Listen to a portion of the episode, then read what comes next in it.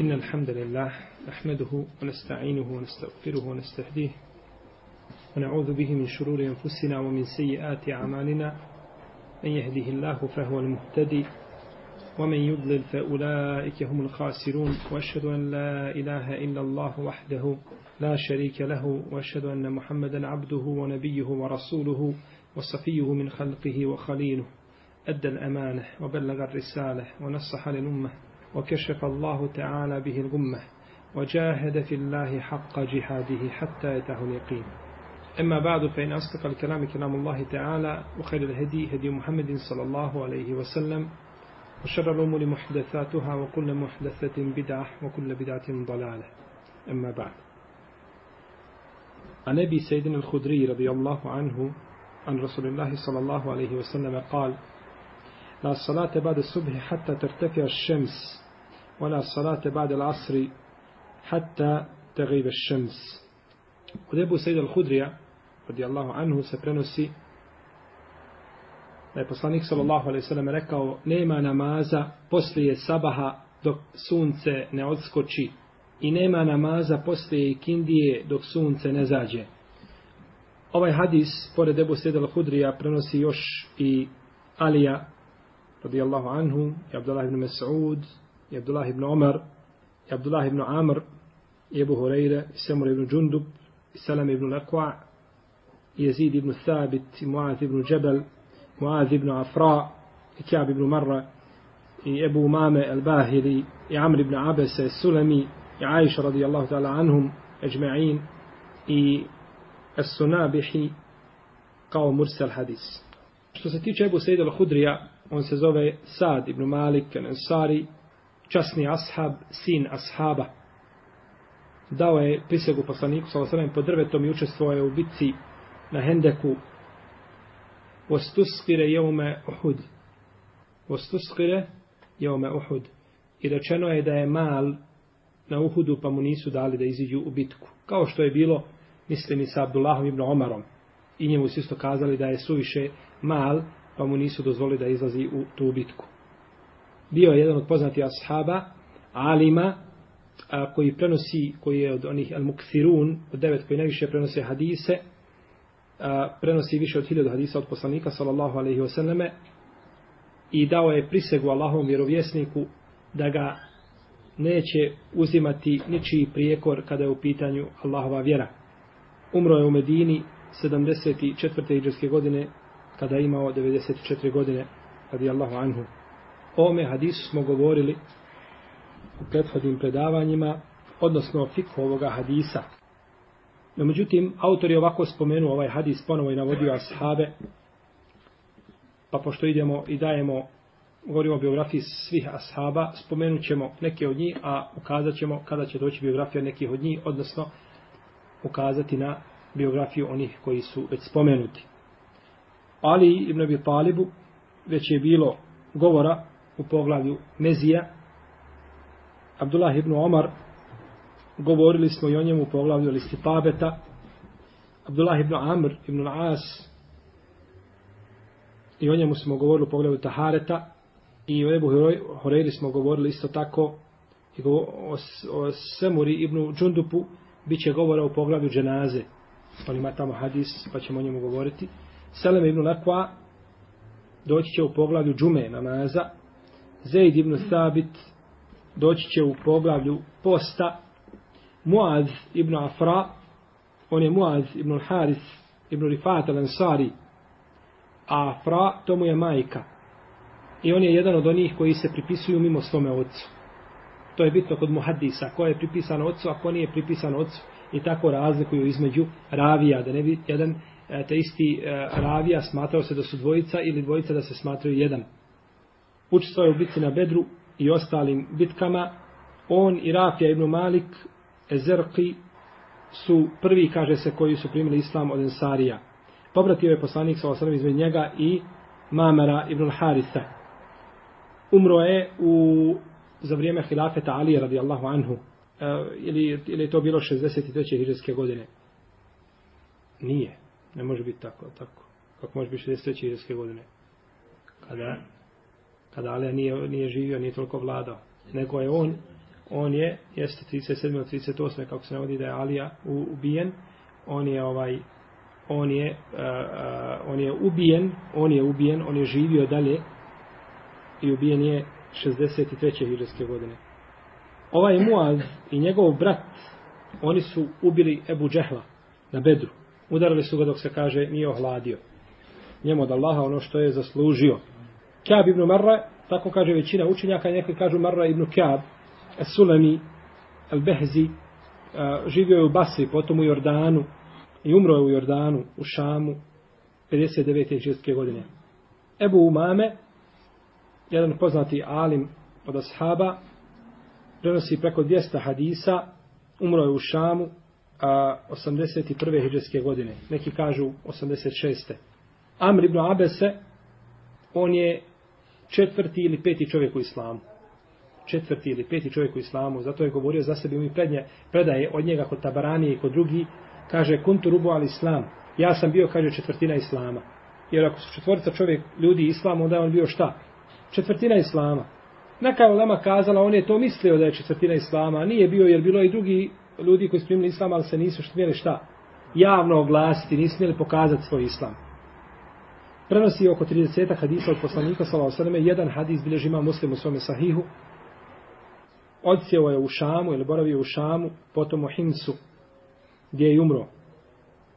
O Ajši radijallahu ta'ala nam smo pričali, ranije u pogledu Tahareta, i o Sunabihiju, čovjek koji nije doživio poslanika sallahu sallam, došla mu je vijest da je poslanik sallallahu preselio kada je bio na Džuhfi, pa je došao u Medinu pet dana nakon smrti poslanika sallallahu alejhi ve I zove se Abdurrahman ibn Usejle. Umro je za vrijeme hilafeta Abdul Melika. Ovaj hadis, pored spomenutih, prenose još i Ukbe ibn Amir, i Jala ibn Umeje, i Muavija radijallahu anhu, i Ebu Katade, i Ebu Darda i drugi. Jeste vidjeli koliko ljudi ashaba prenosi ovaj hadis? Skoro da bi se moglo kazati da je hadis šta? Dosta ga, jako ga dosta, iako budući da mutevatir hadis nema granice, koliko to ashaba treba da prenosi hadis da bi se smatrao mutevatirom, no međutim vidimo da ga prenosi sigurno jedna velika, jedna velika skupina. Ali radijallahu anhu prenosi da je poslanik s.a.v. rekao La tu sallu ba'da al-asri illa an tekune ila an tu sallu wa šemsu murtafi'a.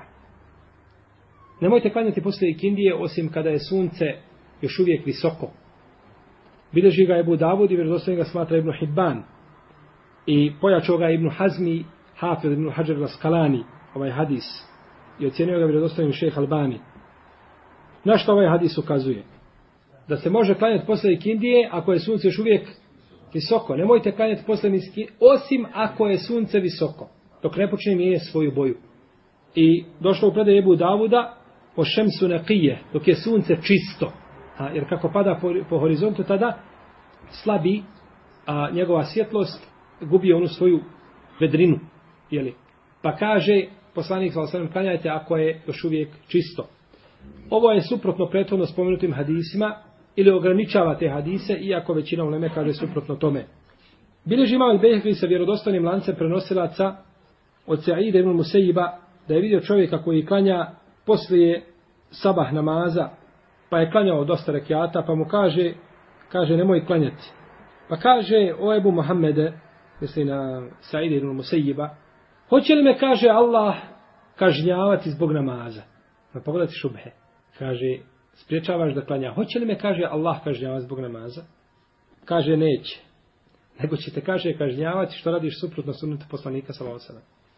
Pogledajte odgovora od Saidi ibn Musayyiba.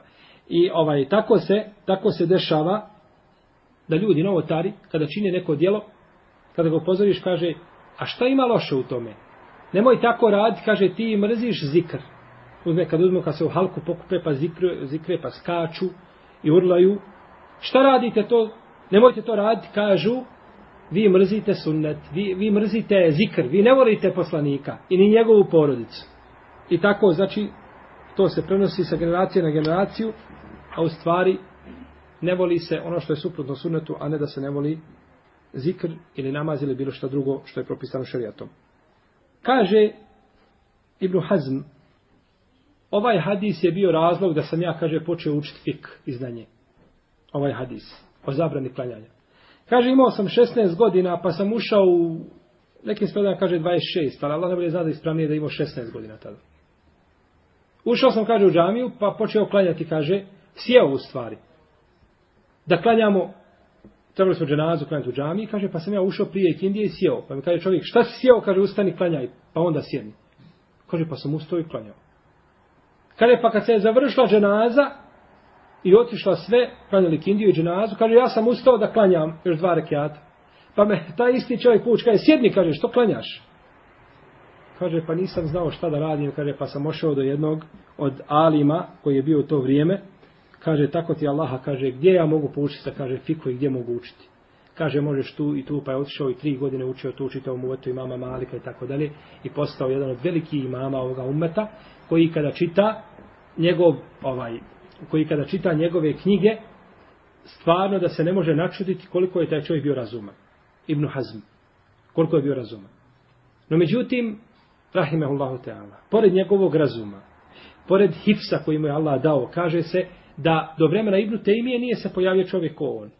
Sa nama koja je prošla u tih nekih 300 godina, da nije bilo ovaj čovjeka poput, eh, poput Ibnu Hazma nikada, do Ibnu Tejmije. Jer je Imam Zehebi govorio, kaže hadis koga ne zna Ibnu Tejmije, kaže to nije hadis. No međutim, dešavalo se da a, poneki hadis iz Buharije prometne šehovi Islama Ibnu Tejmije. To je logično.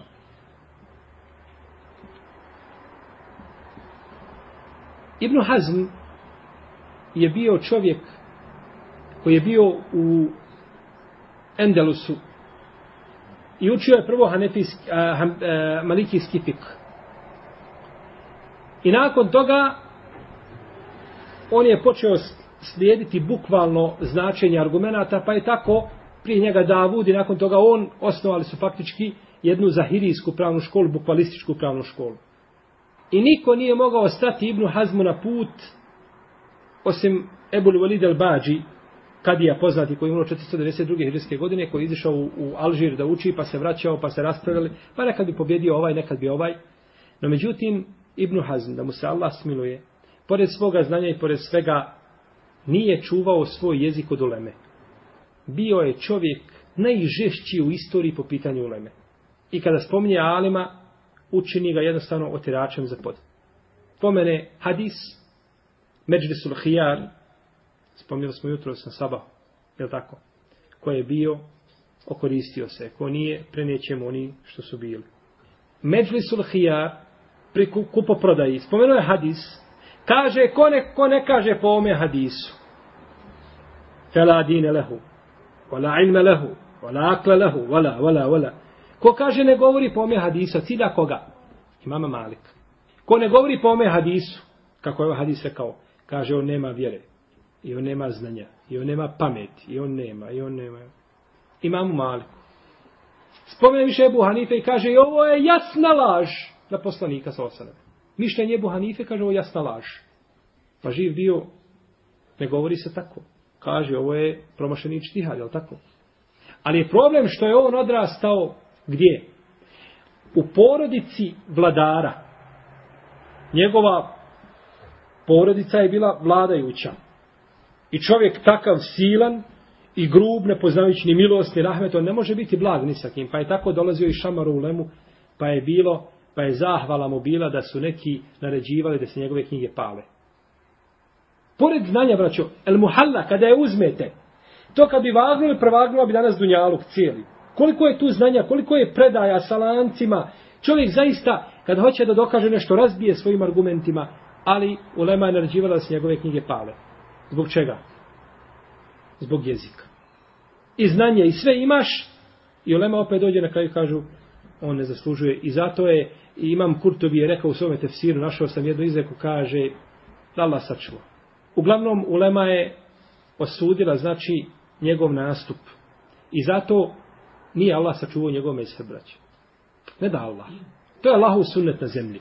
Nije, nema danas njegovi sljedbenik, nigdje malo ih čini mi se ima u Indiji samo. I ovako ako se negdje poneki naiđe da, da, da ga obmane Ibnu Hazm svojim dokazivanjem i tako dalje, može da ga slijedi. Uprotivno ga niko nije slijedio. I svakoga je usuđivao za mnoge stvari. I nije Allah dao da se njegov mesec raširi kao što se raširio mesec ostala četiri mama. Naredni hadis, Anđabir ibn Abdillah, radijallahu anhuma, Ana Umar ibn al-Khattab, جاء يوم الخندق بعدما غربت الشمس فجعل يسب كفار قريش وقال يا رسول الله ما كدت أصلي العصر حتى كادت الشمس تغرب فقال النبي صلى الله عليه وسلم والله ما صليتها قال فقمنا إلى بطحان فتوضعنا للصلاة وتوضعنا لها فصلى العصر بعدما غربت الشمس ثم صلى ثم صلى المغرب بعدها Džabir ibn Abdillah radijallahu anhu prenosi da je Omer ibn Khattab došao na, kada je bila bitka na Hendeku, došao je nakon što je zašlo sunce. Pa je vrijeđao kafire Kurejša. Pa je rekao, ja, Allahu, o Allahu poslaniće, skoro kaže da nisam uspio klanjati uh, ikindiju prije zalaska sunca. Pa kaže poslanik sa tako mi Allaha, nisam je klanjao. Kaže, pa smo ustali do Bathana, to je jedna dolina blizu Medine, pa smo uzeli abdest i uzeli abdest za ikindiju namaz, potom smo klanjali ikindiju nakon što je zašlo sunce, potom smo klanjali akšam. O Džabiru ibn Abdillahu al-Ansariju smo govorili, na kraju poglavlja o dženabetu, i govorili smo također o Omeru ibn Khattabu, kada smo govorili o Omeru, braći? Prvom hadisu. Inne amalu bin nijat. Ako se sjećate, to je bilo nekada davno, prije možda tri godine otprilike, govorili smo o Omeru ibn Khattabu. I kazali smo da ćemo ostati deset godina tefsir to u knjigu ako nas Allah poživi. A bojim se da ćemo morati produžiti još za koju godinu. Da Allah bude na pomoći. I znajte, kad to pređemo, braćo, nemojte da ste slučajno kazali pred kim da ste šta čuli od znanja. Da ste ništa nisam čuli. To što ste čuli je sitnica jedna mala kap iz mora. A deset godina možete sjetiti to slušati. Tako da je znanje nešto veliko, znači čovjek treba uložiti, znači godine i godine i desetine godina da bi čovjek jeli, naučio nešto. I zato kažu ulema, kada znanju dadneš sebe svega, ono ti dadne dio sebe. A šta mislite onda kada čovjek ne ponudi za nju, nego mali dijelić sebe? Šta će dobiti? Sigurno, jako malo. Nešto neznatno. Hendek, Jom Hendek, to je bitka poznata, govorili smo o tome u hadisu Alije, ako se sjećate, prije malo, ako se vratite unazad koji ders, znači hadis Alije da smo govorili o njemu i govorili smo znači o Hendeku. I to je bio a, prije nekih sedam hadisa smo nakon toga spomenuli, to je bio peti hadis ome poglavlju. U ome hadisu je dokaz da je dozvoljeno vrijeđati mušrike. Da je dozvoljeno spominjati po zlu. Kaže ovdje, a, je subbu kufare kurejiš. Pa je vrijeđa u arapskom, sebe je subbu može biti psovati i vrijeđati. A on je vrijeđao, je došlo u drugim predajama da, su, da je tako govoreno da Allah napunio njihove kaburove čime? Vatrom. Pa to je vrijeđanje, ili to je ovaj, nije ono klasično psovanje psovka koju mi znamo. Ali ne smije čovjek braćo vrijeđati čak ni nevjernike sa riječima koje su šta? Vulgarne. Da psuje klasična ona psovka. Allah ga ubio, Allah ga ponizio, Allah ga osramotio i tako. To može, no međutim da ga vrijeđa ona psovka, da mu psuje nešto, klasični ili psovke, e, smatram da znate o čemu govorim, to nije, jer to ne priliči muslimanu da tako nešto i da se takvim riječima izražava, čak nekad je u pitanju nevjernik. Pa se ovdje misli psovao i to misli se dovio protiv njih. Iz ovoga hadisa se razumije da Omer, da je Omer klanjao i kindiju kada? Prije zalaska sunca ili posle zalaska? Prije zalaska sunca. Prije zalaska. Kaže, nisam uspio umalo da, da, da, da zađe sunce, a ja nisam klanjao ikindiju. Pa je znači, klanjao ikindiju prije zalaska sunca ili na pred sami zalazak. U ome hadisu je dokaz da se je dozvolio zaklesti se čovjek zakune, bez da neko traži da se zakune. Jer je rekao šta poslanik? Wallahi masale, tako mi Allah, ja nisam klanjao ikindiju. Jer Omer tražao Allah poslaniče, zakuni mi se, jesi li klanjao? Nije. Pa se Allah, da ti dozvoljeno da se čovjek zakune, iako neko ne traži od tebe da se ti šta? Zakuneš. I to je došlo puno u Kur'anu. Neki kažu da se je zakleo radi da Omeru malo olakša. Omeru to bilo teško. I sad kad Omer čuje da poslanik kaže, Wallahi, ja nisam klanjao, bit će Omeru šta? lakše, ja sam ipak uspio klanjati u vremenu. A neki kažu da je to radi potvrde, da potvrdi stvarno da Omeru izbije bilo kakvu šubu i ja je nisam nikako klanjao. Drugi kažu da je to poslanik sa sam uradio iz silne žalosti što je ostavio namaz u njegovom vremenu. Pa kao da ne vjeruje da je to uradio. Pa kaže, vallahi nisam, da sam sebe ubijedi šta da je nije klanjao, razumijete? Znači, ome bi bilo jedno dodatno značenje. Allahov poslanik kao da ne vjeruje da se, da se to tako desilo, pa onda kaže, vallahi nisam ni ja klanjao, da sebe ubijedi, poslanik poslaniće, moraš klanjati kindiju, nisi je zaista obavio. I što ukazuje, bez sumnje, braćo, na, na mjesto šta? Namaza u islamu. Na mjesto namaza u islamu. Kaže neka ulema, postoji mogućnost, vidite braćo ovoga tefsira i a, ovoga zaključka, kaže postoji mogućnost da je poslanik sa sen zaboravio namaz. Pa kad je Omer spomenuo, onda rekao, vallahi nisam ni ja klanjao. Onda se šta? Sjetio. Postoji mogućnost? Postoji. I možda je čak ta mogućnost i, i bolja za tumačenje, za tefsire, nego da kažem Allah poslanik ostavio zato što nije mogao klanjati. Ovo je preče da se kaže za pravo i hak poslanika, sa da se kaže zaboravio je, i može se desiti čovjeku da zaboravi, kao što može desiti da prespava i poslanik je sam prespavao namaz, jel, jedan pod saba na putu, tako može da zaboravi, to je bolje kazati preče nego da kažemo da nisu klanjali. U svakom slučaju, šta god da se uradi, govorili smo prije da li je to bilo prije propisivanja namaza u strahu ili poslije, po tome je sve mu prethodilo u prethodnom hadisu, kao što smo spomenuli.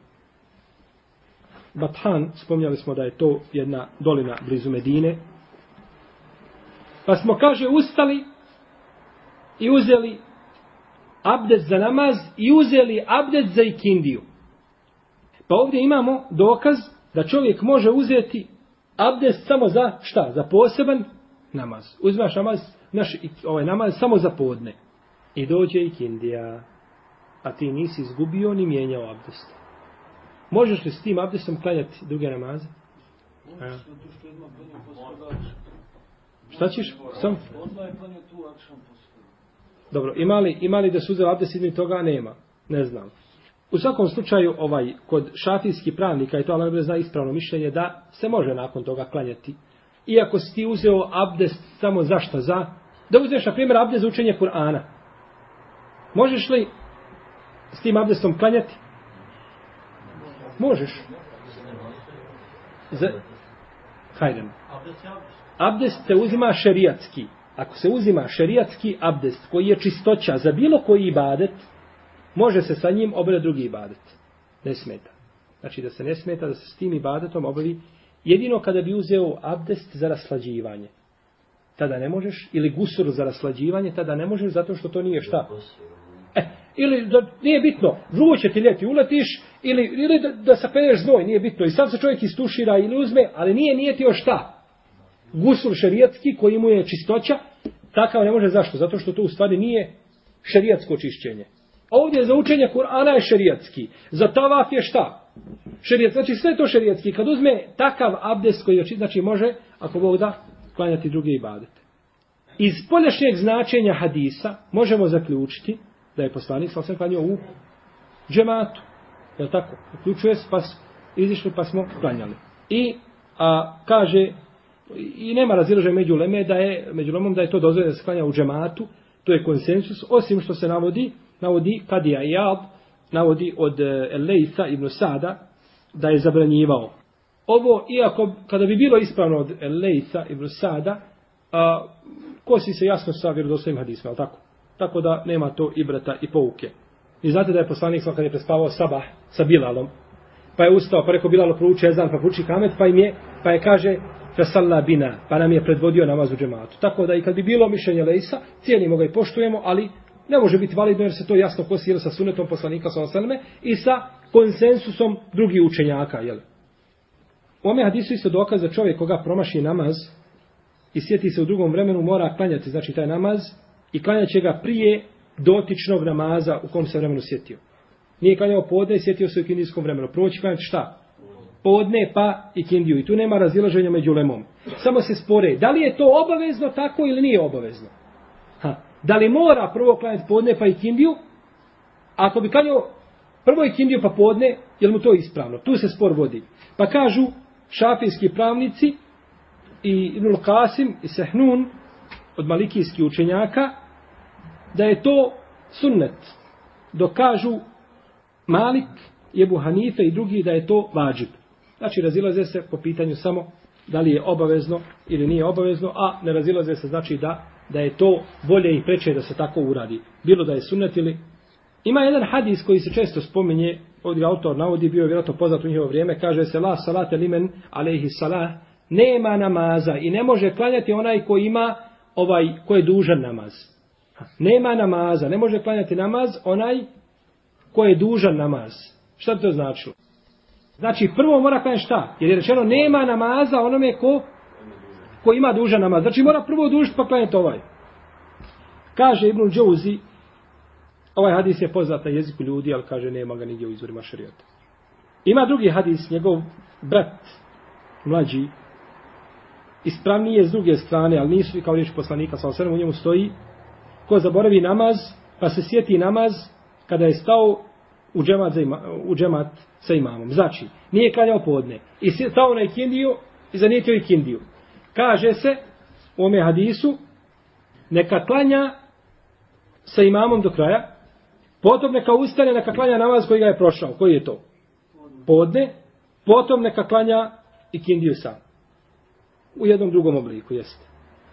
Taj hadis pripisuje se poslaniku sa od Ibnu Omara, no međutim ispravno je da sto riječ Ibnu Omara. Da to nisu riječi poslanika sallallahu Kaže imame Dare Kutni i kaže greška je pripisije ovaj to je hadis poslaniku sallallahu kaže to su riječi Ibnu Omara i tako se navode kod Malika u njegovoj muveti.